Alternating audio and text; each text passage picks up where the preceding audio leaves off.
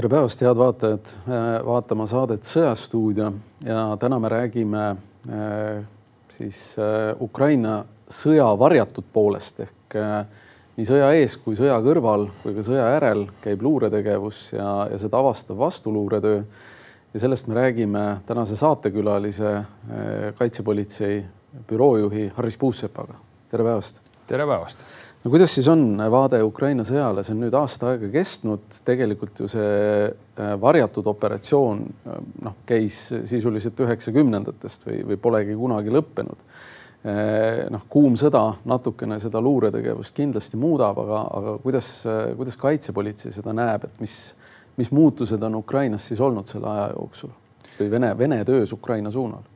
jah, et Eestis kindlasti neid illusioone ei olnud, et et okupatsiooni lõppemisega oleks siis Vene impeeriumi ihalus kuhugi ära kadunud või äh, sealsed eriteenistused muutunud kuidagi demokraatlikuks ja Eestit enam ei ohusta. Äh, kui nüüd rääkida sellest, mis toimus enne Venemaa täiemahulist äh, sõda Ukraina vastu, siis see on selles mõttes üks võib-olla haruldane näide sellest, kuidas siis äh, Venemaalt võeti see initsiatiiv ära. Ja seda on enne öeldud, et, et äh, Venemaa on äh, taktikaliselt parem siis, kui tema käes on see initsiatiiv. see, mida tegid toona lääne luureasutused, nad tõid selle päevavalgele, mis Venemaa plaanid on, paljud ei tahtnud seda uskuda sellel hetkel see informatsioon muutus järjest selgemaks ja kindlapiirilisemaks, et millal ta siis lõpuks on. teadmine sellest, et äh, kurjad plaanid on töös, oli ju varem olemas, küsimus oli lihtsalt, et millal see toimub. nii et kui see tehti avalikuks, siis selline, äh, me nägime seda Venemaa propaganda jõuetust, nad jäid initsiatiivist ilma äh, ja selle kõige suurem tulemus on see, et, et kuigi võib-olla loodeti kindlasti ka heidutada Venemaad, et ta üldse ei teeks seda, siis kõige parem efekt, mis sellel oli, see ühendas äh, läänt äh, väga palju ja väga kiirelt suutis nii Euroopa Liit, äh, NATO, lääs laiemalt reageerida sellele ja võtta ise see initsiatiiv, et mis ikkagi toimub. Need igasugused valeettekäänded, mida üritati rääkida, need jäid ju alguses nõrgaks ja, ja kui me võrdleme siin ajaga kui äh, Venemaa agressioon Ukraina vastu algas äh, sellisena, nagu me täna teda teame, ehk siis kahe tuhande neljateistkümnendal aastal, siis toona oli see pilt väga palju segasem. et äh, oli keerulisem saada ühest reaktsiooni, ühest mõistmist, mis tegelikult toimub. see mingisugune ebaseaduslik referendum relvade toel, noh, ei olnud nii väga ühest vastust, kuigi suudeti ka toona sanktsioonidega reageerida ja see hukka mõista aga sellisel kujul abi andmist eh, ju ei olnud. nii et eh, tõesti see ettevalmistamine kindlasti vahetult selle sõja jaoks algas varem ja, ja eh, nagu näha, et need propagandainstrumendid ei olnud sellesse sellisel kujul kaasatud, et nad oleks suutnud kohe kaasa minna, et nii-öelda kui räägitakse sellisest eelhoiatusest, mida noh, muuhulgas võiks siis ka nagu meediapildist saada, siis noh, me nägime seda, et et seal seda vähemalt nagu öö, usutavalt ei olnud, et noh, alati leiab e märke väga erinevatest võimalikest arengutest ja nüüd ongi see küsimus, et kuidas seda tõlgendada, kindlust saada, et just nii läheb, et mis märk see on, et, et siis seekord tõepoolest noh, initsiatiiv võeti ära, aga noh, see on ju selge, et see ei ole ainult mingisugune sõda meediarindel, see on päris sõda kõigi äh, füüsiliste vahenditega, inimesed hukkuvad. nii et äh, see on olnud väga raske aasta Ukrainale, nad on olnud uskumatult vaprad. ma arvan, et äh, peaaegu kõik on nõus, et väga palju on, on toetanud inimesed Eestis, oleme riigina toetanud, lääs on laiemalt pakkunud Ukrainale tuge, alati on see, et võiks rohkem, aga, aga kui me vaatame Eesti pealt, siis meie, meie nii-öelda raskusklassist me oleme ammu äh, väljas oma abiga, ehk siis meie see osakaal on ikkagi väga suur ja, ja noh, kui niimoodi proportsionaalselt võrrelda, siis äh, riigina suurim ja, ja, ja ma arvan, et ka inimeste ja ühiskonnana me oleme aidanud ja su suhestuna, suhestutuna SKT-sse vist olemegi esimesed, eks. just. või vähemalt esimeste seas. just ja see on just sellepärast, et me,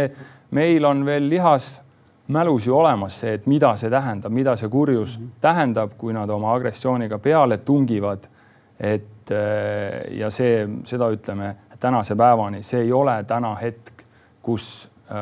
Venemaa on see, kes oma agressiooni teostab, on alustanud sõda ja ründab ja see ei ole koht, kus meie ka ühiskonnana peaksime sammu astuma tagasi või olema siin noh, mingisugused valerahu saadikud, nii et ma arvan, et ma arvan, et see sõnum on Eestil ka väga selge olnud, et, et, et me mäletame, mis on olnud, me ei taha, et see korduks, me ei tahaks, et see jääks nii. Ukrainas aitame neid nii palju, kui saame seal, aga, aga noh, selle selle taga on, on kindlasti see selline adekvaatne arusaamine, et, et Venemaa tuleb peatada äh, sellepärast, et vastasel juhul äh, ta lihtsalt sammub edasi. nii et Venemaa peatub ainult seal, kus ta peatatakse ja eesmärk on ikkagi lükata ta ju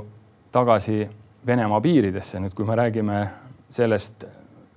nendest õigustustest, mida me ka äh, erinevates meediumides Venemaa poolt nagu näeme, siis mingisugused viited ajaloolisele eriõigusele, siis noh, kes ajalugu natuke põhjalikumalt on äh, vaadanud ja just äh, Ukraina piirkonda, siis äh, ja selle kohta on ka vahvaid meeme olemas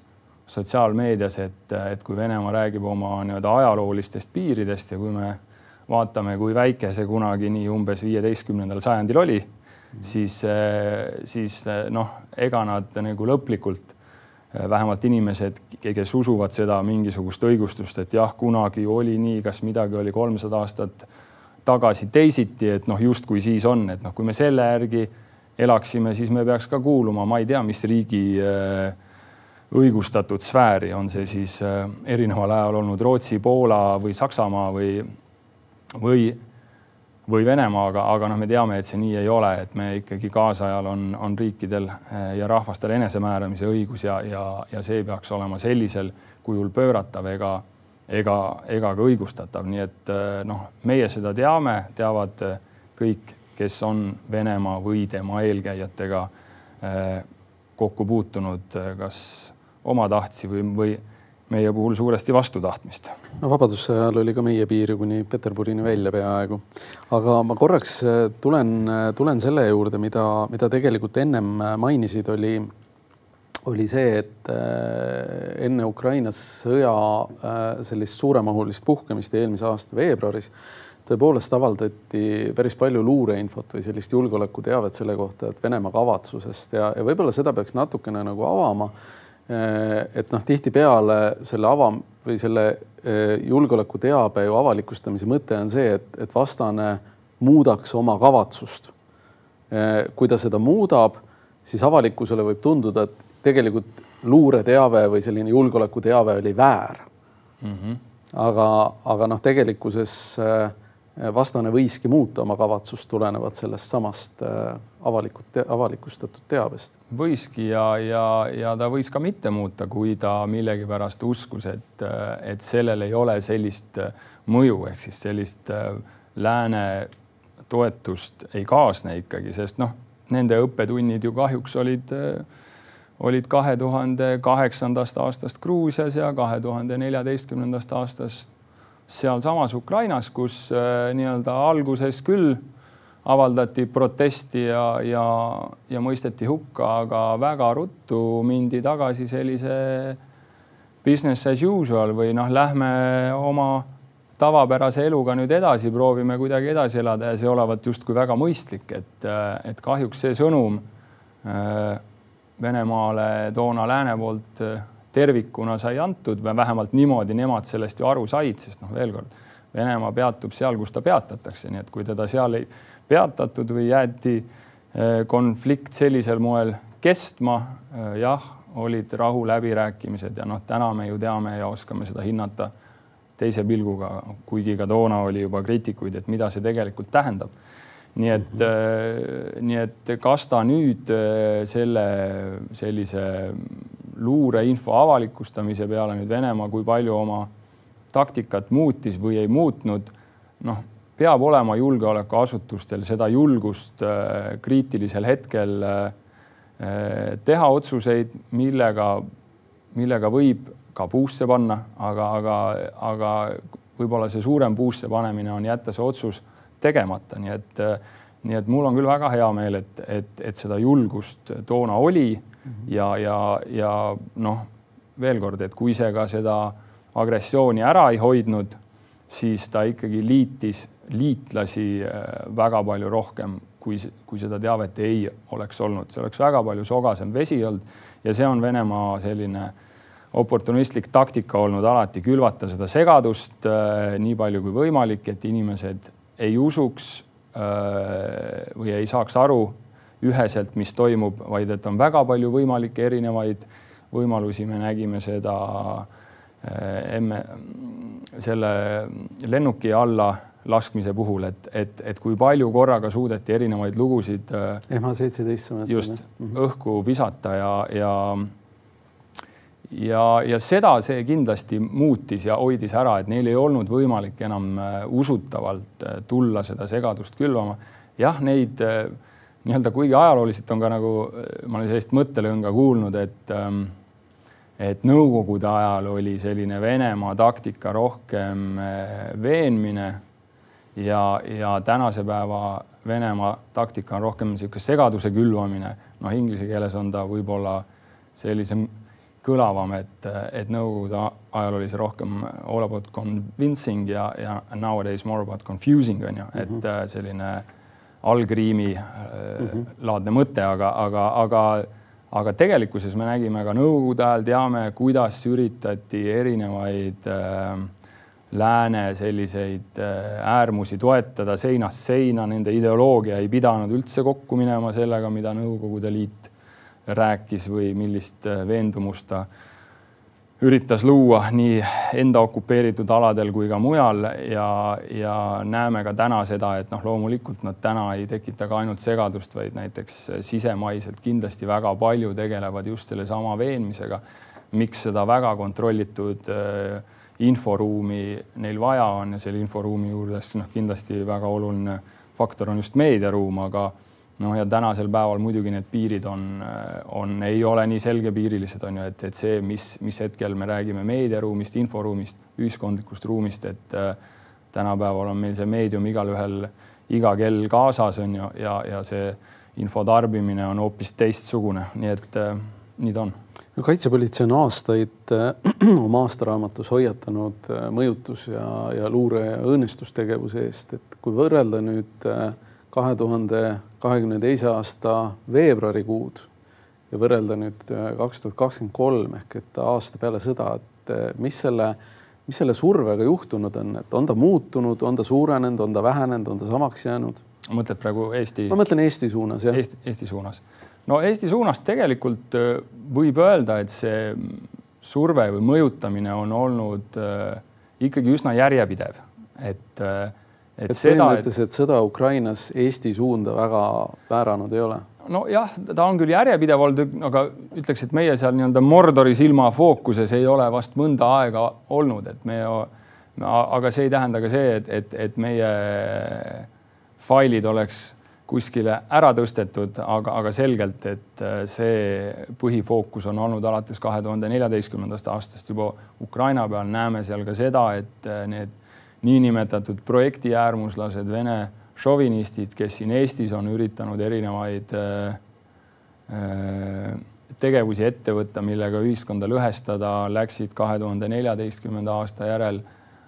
kindlasti täiesti iseseisvalt ja mitte mingisuguste suunisteta Ukrainasse sedasama tööd tegema, et nad on noh, olid siin nii-öelda, võib tinglikult öelda väljaõppel kuigi noh, eesmärk ei olnud siin kindlasti mingi väljaõpe, vaid äh, saavutada oma eesmärke siin Eestis. kui äh, äh, fookus muutus, siis osad liigutati teisele tööle, teisele tööle natuke või noh, sama töö, aga lihtsalt mujal. et peaks ütlema, et, et Eesti puhul küll see põhiteravik ei ole olnud meil, aga nagu öeldud, tegelikult see Venemaa taktika Kremli juhtimisel on ikkagi olnud see, et, et et kasutada ära neid olemasolevaid nõrkusi, mis ühiskonnas on, vaadata, kas õnnestub midagi hullemaks teha või teisipidi ka, et, et otsida neid võimalikke uusi kohti, mille pealt konflikte üles puhuda, pingeid tekitada, et seda peab ütlema, et seda on see sõda mõjutanud küll niipidi, et, et et kui veel enne, enne sõda, enne täiemahulise sõja algust eelmisel aastal Ukraina vastu oli ikkagi nende, nende sellise Vene maailma kaasajooksikutega, kaasajooksikute hulgas ka neid, kes noh, vähem või rohkem ise uskusid seda, et see on mingisuguse parema Vene maailma loomine või aga kui nüüd see sõda algas ja kui nähti, et milli, mille jaoks tegelikult nende tööd ja nend, nende tööd ära kasutatakse, milleks neid vaja on, siis äh, oli küll ka neid, kes selle peale käed üles tõstsid ja nii-öelda oma tööpostilt lahkusid, et, et. tulid nad kaitsepolitseisse? et ma ei liitunud, ma ei liitunud sellega, seda peab ütlema, et meie erinevad ettevõtmised on toonud meile küll väga head informatsiooni selle kohta, mismoodi see masinavärk on töötanud. meil oli seda ka enne, aga alati sellistel äravatel aegadel on vaja seda lisainfot, kinnitust, mis on muutunud ja kuidas äh, teine pool käitub. nägime seda väga hästi siis, kui paigutasime piiripunktidesse teavituse nendel, kes Venemaa kaudu põgenesid Ukrainast või lihtsalt Eestisse liikusid, et äh, juhtisime nende tähelepanu, et kui neid teisel pool piiri prooviti kuidagi äh, veenda koostööle, see veenmine nende õigusruumis, nende eriteenistuste puhul äh, noh, paraku on nende, nende nii-öelda õiguse järgi, ehk siis tegelikult saame öelda, et meie mõistes on see üsna õigusvaba ruum. Nad ise loovad seal seda, et äh, see ei ole kindlasti sõbralik õlale atsutus ja naeratus ainult, vaid, vaid ka muud meetodid, mis võivad olla inimesele väga rasked või talle luuakse selline olukord, et talle justkui ei jää muud üle. kas see on inimesel äh, pere, sugulasi, sõpru jääb Venemaale maha. et sinu ainus võimalus on nüüd koostööle minna, et, et kui me neid teavitasime sellest, hästi lihtne asi tegelikult visuaalselt inimesele nähtavas sildid piiripunktides kohas, et ta just, et ta saaks aru, et kui ta nüüd no ütleme, sellise nõusoleku on andnud, et juba sellise koostöö kokkuleppe sõlmimine on Eestis kuritegu, et sa ei, sa ei, sul ei pea olema mingisugust juurdepääsu riigisaladustele, sa ei pea olema isegi juba midagi teinud, et, et sinna Eesti vastasele küll vägivallatule koostööle minnes, kui sa seda teed see juba on süütegu ja saime ja saime head informatsiooni, et, et vahel lihtsad asjad töötavad väga hästi. kas sellest saab aastaraamatus ka lugeda? Mis informatsiooni me täpselt äh, oleme saanud, äh, seda ma arvan, et mitte just sellepärast, et meil sellest informatsioonist edaspidi oleks ka tolku. aga, aga seda, et selline tegevus on toimunud ja sellest, sellest oleme, oleme ka rääkinud ja, ja aastaraamatud on üleüldse selline väga kasulik lugemismaterjal just äh, pikemas aja perspektiivis, et äh, kui me suudame meenutada, millised meeleolud äh, ja millised tunded olid kunagi ka kahe tuhandendate alguses, noh, meie aastaraamat on ilmunud juba aastast tuhat üheksasada üheksakümmend kaheksa, et noh, mina küll lõpetasin sel ajal kaheksandat klassi ja ei teadnud neist asjadest suuremat midagi. aga hiljem juba küll on esimesed mälestused ja sellest, mida toona räägiti ja, ja sealt edasi kahe tuhande viienda aasta, aasta paiku, kui palju räägiti sellest, et, et see meie probleemidele tähelepanu juhtimine, et see, mida Venemaa teeb, kuhu suunas ta liigub. kui Putin kahe tuhande viiendal aastal rääkis kahekümnenda sajandi kõige suuremast geopoliitilisest katastroofist ehk siis Nõukogude Liidu kokkuvarisemist, et noh, et kui me juhtisime ka tähelepanu sellele, et milline see tähendus tegelikult on, see ei ole mingi niisama sõnakõlks, kui nad sellisena seda näevad, siis nad ju üritavad sellisest äh, katastroofi järgsest seisust välja tulla ja mida see Venemaa puhul tähendab, tähendabki äh, oma agressiivse välispoliitika jätkamist ja, ja noh, täna me teame, et selleks kõlbavad ka sõjalised vahendid, see ei ole mitte ainult nendega hirmutamine, vaid ka reaalselt nende töösse panek, aga aga veel kord, see eeldab ka seda, et, et see nii-öelda pinnas on selleks soodne või vähemalt on selline arusaam, et see pinnas võib olla soodne. et, et see, see võib olla teinekord ekslik ja, ja noh, sellest on ka meie partnerteenistus Eestis rääkinud, et, et see ongi võib-olla üks selliseid suuremaid riske Venemaa puhul, et tehakse see valearvestus ja, ja sellepärast on ka meie need avalikud hinnangud ja üleüldine arusaam ühiskonnast, mida siin räägitakse, kuidas seda elu nähakse, millised väärtused on olulised, mille eest inimesed seisavad. ja et, et ei oleks sellist äh, valearvestust lihtne teha või, või veel rohkem, et see oleks tehtud võimalikult keeruliseks. noh, laiemalt rääkides meie eesmärk ongi ju, kui me räägime Venemaa nii eriteenistuste kui tegelikult terve selle aparatuuri äh, mõjule vastu seismisel on see, et Eesti oleks Eesti vastastele jõududele, kes üritavad meid nõrgestada, võimalikult raske, noh, erialakeeles siis operatsioonipiirkond. et, et nad teaksid juba, juba Eesti vastast tööd planeerides, siin on raske, siin on keeruline ja sellepärast me näemegi seda, et, et ka ka tihti see koostööle sundimine, värbamine Venemaa poolt toimub just nende enda territooriumil või mõnes sellises kolmandas riigis, mis äh, on Venemaa suhtes noh, pehmelt öeldes leebe, et laseb nendel seal enda riigis ka toimetada. no üks äh, tuntumaid juhtumeid viimasel ajal, mis on ka furoori tekitanud Eestis ja tekitanud küsimusega võib-olla koostööst eriteenistusega, on Aivo Petersoni juhtum, eks, et äh, Riigikogu kandidaat siis Vasakpartei nimekirjas või Vasakpartei ühenduse koos nimekirjas kandideerinud siis ja Virumaal tegelikult päris korraliku häältesaagi saanud. tema Donetski külastus Mm -hmm. et see on äh, tekitanud tegelikult äh, päris, päris mitmeid küsimusi, et, et mis see siis oli, et oli see siis selline meelsuse väljendus või oli see mhm. väga selgelt mõjutusoperatsioon? no sellega on jah nii, et, et nendes asjades äh, kaitsepolitsei äh, ja üleüldiselt me ei kipu oma äh, tegevusest väga ei ette rääkima ega, ega kui see ajal kui, kui me midagi teeme või peaksime tegema, rääkima, me, vaid me räägime nendest asjadest siis, kui meil on näiteks mingisugune kriminaalõiguslik tagajärg saabumas, et äh, üleüldiselt oma igapäevast tööst äh, me taolisel kujul konkreetselt ei räägi. küll võib kindel olla, see on meie igapäevane töö äh, leida, ennetada ja tõkestada neid tegevusi, mis võivad põhiseaduslikku korda ohustada. kui me räägime antud kontekstist praegu, siis ma mõistan hästi, et sellised tegevused, ähm, kui minnakse okupeeritud äh, Ukraina aladele läbi Venemaa, see tekitab küsimusi, arusaadav. Küll peab äh, sellest aru saama, et, et taolisel äh, ütleme praegusel juhul siis tegelikult ju, ju pakutigi sellist äh, valijale sellist üsna Kremlile sõbralikku lugu. ja kui selline inimene tahab minna sinna piirkonda, siis, äh, siis ei pea see tingimata olema Venemaa eriteenistus, kes seda aitab, see masinavärk töötab koos ja, ja kui see lugulaul neile sobib, siis äh, loomulikult pääseb inimene ligi aladele, kuhu me kindlasti ei soovita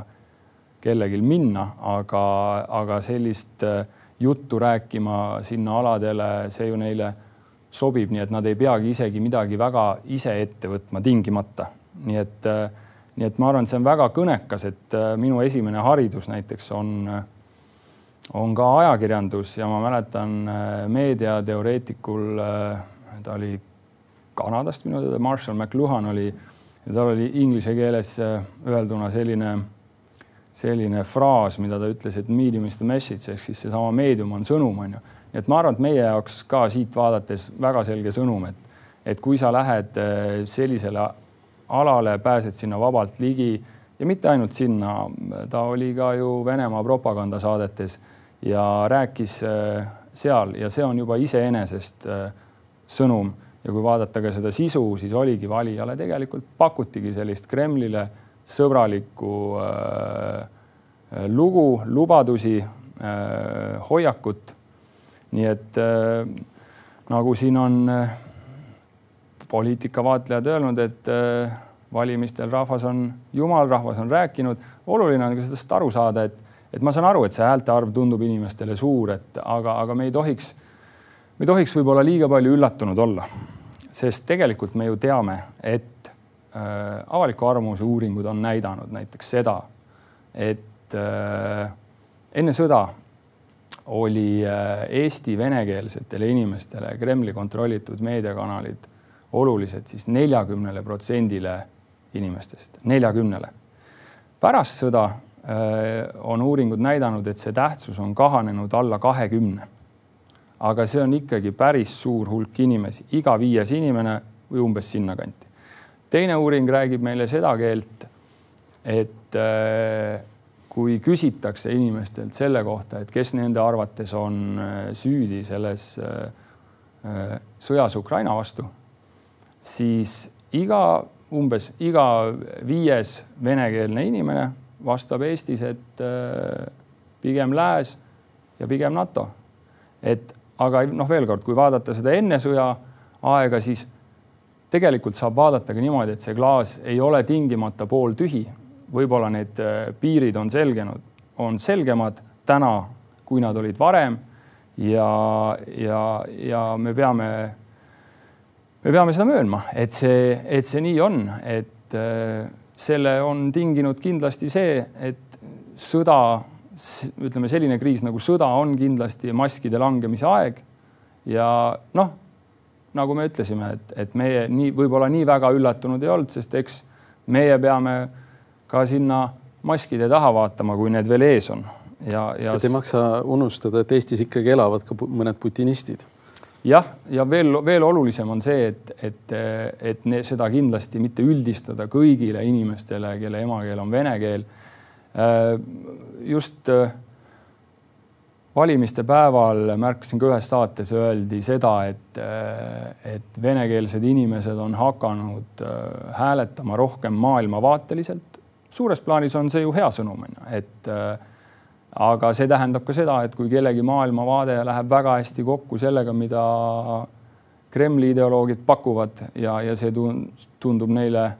sobiv, siis äh, ka nemad hääletavad maailmavaateliselt ja see on küsimus laiemalt kindlasti. Petersoni juhtum natuke meenutab kahe tuhande kümnendat aastat, kui meil oli idaraha skandaal, mis noh, ei ole päris üks-ühele võrreldav, eks, aga, aga ka toona tegelikult ju, kui Edgar Savisaar käis Moskvas noh, otseselt raha küsimas äh, partei kampaania jaoks siis mäletatavasti kaitsepolitsei toonane peadirektor Raivo Aeg tegelikult Äh, võttis riigisaladuse templi maha siis ühelt ettekandelt, mis, äh, mis käsitles seda teemat, et äh,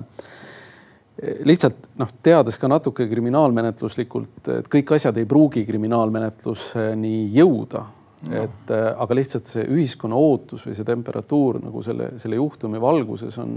on võib-olla rohkem kui ainult üks, üks käik seal Donetskis, et, et kas GSG võib olla näiteks lahendus? ja ei, see on arusaadav, et see temperatuur on praegu kõrgem, võib-olla siis peaks ütlema nii nagu öeldakse, et äh, ühtegi suppi ei maksa liiga kuumalt sööma hakata. küll peab ütlema, et see kahe tuhande kümnenda aasta toona siis idaraha skandaalina tuntuks saanud juhtum noh, näitabki, et me sekkusime, kui see oli proportsionaalne, seaduse piires ja alusel ja me pidasime seda sellisel määral ohtlikuks, et see oli vaja ära teha Need, see selline katse rahastada või mõjutada Eesti valimisi sellisel kujul ei olnud kindlasti esmakordne. nagu mainisid, äh, seal mindi raha ise küsima, et noh, jällegi Venemaale suurepärane võimalus. Äh, toona oli selleks vahendajaks siis endine KGB-lane, Venemaa raudteejuht Vladimir Jakunin. aasta varem nägime kahe tuhande üheksanda aasta Europarlamendi valimiste eel, kuidas saabus siia meile külaline Moskvast, äh, Georgi Muradov, kelle ülesanne oli siis aidata kaasa siin mingisuguse Vene nimekirja moodustamisele. tingimus oli see, et äh, nemad määravad selle, kes on, äh, on esinumber ja, ja pakuti ka toonases vääringus täiesti märkimisväärselt, märkimisväärne hulk raha, see ei läinud läbi. Enne sai seal ära ennetatud, sai aasta hiljem neid katseid valimisi mõjutada on kindlasti veel olnud, oli kahe tuhande kolmeteistkümnendal aastal võib-olla üks selline märkimisväärsem lugu, aga see oli pigem niisugune riigisisene, kus selliste organiseeritud kuritegevuse meetoditega üritati, üritati siis hääli osta ja leida endale juhuks, kui peaks valimistulemus olema väga tasavägine, selline kaalukeelemees, kes on nende kontrolli all ja teeb siis seda, mida tellija soovib ja seeläbi saab mõjutada äh, siis äh, esinduskogu otsuseid. toona sekkusime, pidasime need inimesed kinni, sel hetkel äh, tegu jäi katsestaadiumisse ja, ja sinna see asi lõppes, et, et äh, veel kord äh, sekkume siis, kui see on proportsionaalselt vajalik, alati seaduse alusel ja piires. meie ei saa oma tegevuses põhiseadusliku korra tagamisel äh, lähtuda sellist, sellisest ärevusest või mõnest muudest emotsioonidest. meie lähtume julgeolekuohtudest, mismoodi neid ennetada oma teadmisest ja tarkusest ja sellest, milline teave meil on äh, mingil ajahetkel olemas, et, et ainult, ainult nii me ei, me ei tahaks Eestis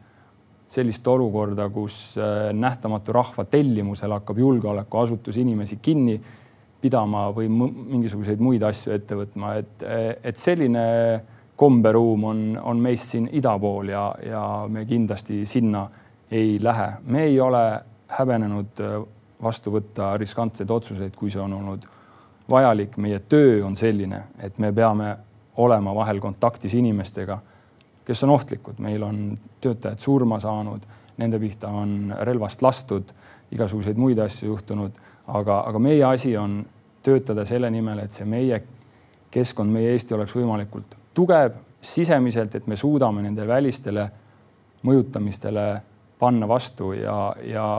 peab ütlema, et see on õnnestunud, see ei ole mitte midagi iseenesest, et meil Eesti iseenesest on ja, ja ainult rahvas ise ja igaüks indiviid peab ise omal käel vaatama, vaid me teeme oma töö ära, et me oleme seda aastaid teinud Ukraina peale vaadates, mis toona kahe tuhande neljateistkümnendal aastal, no mis need sellised võimalikud vektorid olid, mis, mis nagu soodustasid seda, et see riik oleks võimalikult nõrk ja Venemaa töötas selle nimel. üks väga oluline tegur kahtlemata on korruptsioon, et Eestis on see ka nähtusena julgeolekuoht ja me noh, veel kord oleme töötanud selle probleemi eh, tõrjumisel, oleme, ei ole löönud siis risti ette, et kui on vaja kinni pidada ministreid, kui on vaja kinni pidada Riigikogu liikmeid, kui on vaja kohtunikke viia ennast kohtu ette, kes on siis altkäemaksu võtnud, nii et see, see on aidanud meil luua Eestis olukorda, kus jah, me ei, ei saa öelda, et me oleme korruptsioonivaba riik, aga, aga seda on siin nii vähe, et täna see oluliselt meie julgeolekuohtu ei kujuta. Neid äh, võimalikke selliseid nõrkusi me peame ise vaatama ja ennetama, et nendeks, et nendest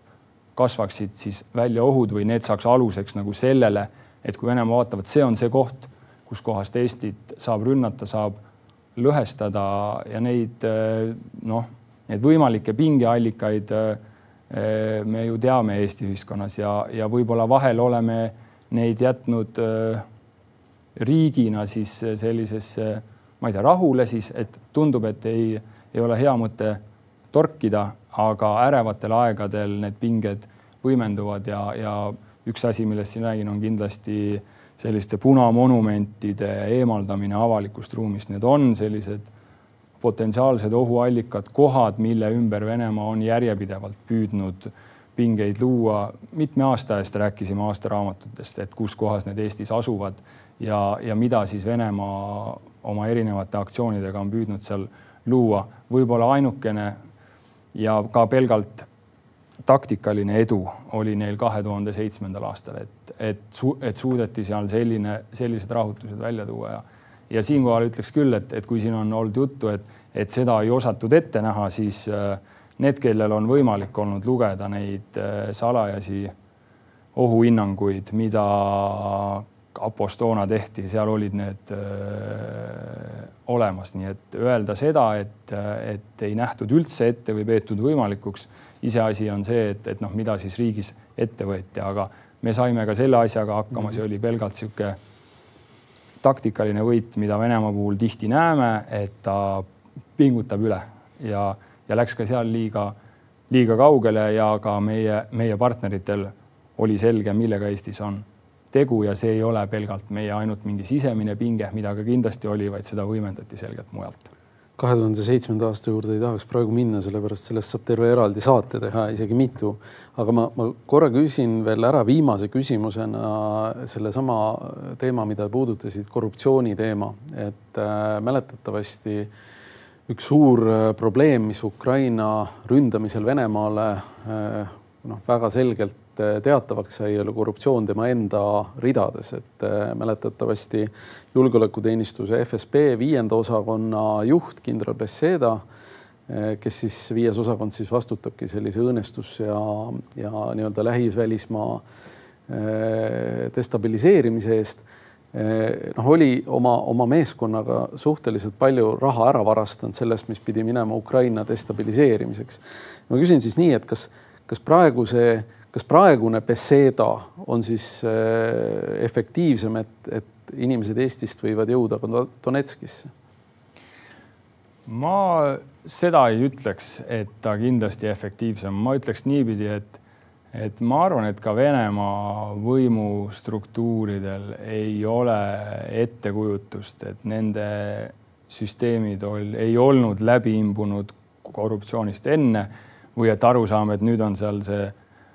plats puhas nagu sellest, et eh, pigem on küsimus, et kes piletis sees on ja kui on, on valed inimesed, siis, eh, siis toimuvad seal mingisugused kaadrimuudatused, aga, aga see, et et korruptsioon on selline nagu öeldud, selline Venemaa üks suurimaid ekspordiartikleid, ei ole, ma arvan, üllatus neile endale ka, nii et, nii et see küsimus, et et kas ja kui palju ära varastatakse. Et see peaks neil olema selline igapäevane asi ja. see pole muutunud ilmselt. ja mul ei puudub küll igasugune usk, et nüüd, et seal see on muutunud. kas see on nüüd ja millist mõju see avaldada võib, me oleme näinud seda sellist korruptsiooni osa Eestis ka, oleme näinud seda näiteks mõjutustegevuses selgelt, et kui sellised näiliselt sõltumatud, mitte tulundusühingud, kes teesklevad sõltumatut äh, vaba meediat siin Eestis. Äh, neile on eraldatud Venemaa mõjutustegevuse fondidest raha igakuiselt, see nii oli. ja, ja kui see raha varastati ära suuremas jaos, natuke jaotati laiali ka, et mingi töö ikkagi oleks ja saaks näidata, et töö käib, on ju, aga, aga see oli pigem peenraha ja, ja nüüd on see küsimus, et, et kui toona nad sellega siin vahele jäid ja Maksuamet läks vaatama, et et inimene on võtnud välja tulu, aga pole seda selliselt deklareerinud, siis ta võltsis neid andmeid, et justkui oleks raha õigesse kohta läinud, see tõi kaasa kriminaalmenetluse ja ajakirjanikud said hiljem teabenõudega kohtumaterjalidest kätte informatsiooni, mille põhjal avalikkusega jagada teavet, mismoodi see näiliselt sõltumatu MTÜ on algusest peale olnud kontrollitud,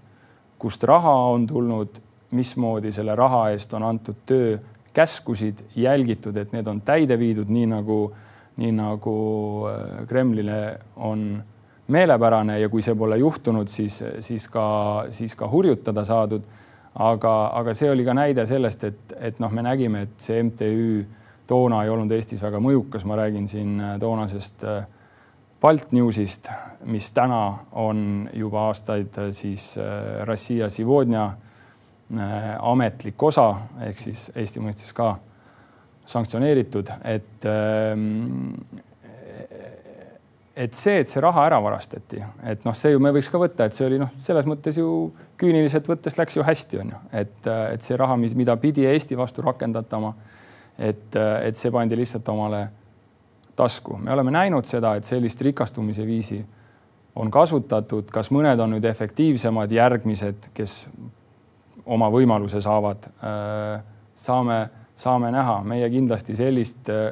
ükskõik millist taoliselt Eesti-vastase tegevusega rikastamise viisi üritame ennetada ja tõkestada, kas see on kriminaalmenetlusega või mõne muu julgeolekuasutuse meetodi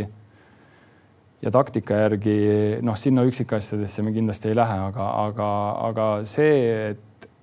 korruptsioon nähtusena on Venemaa struktuuride noh,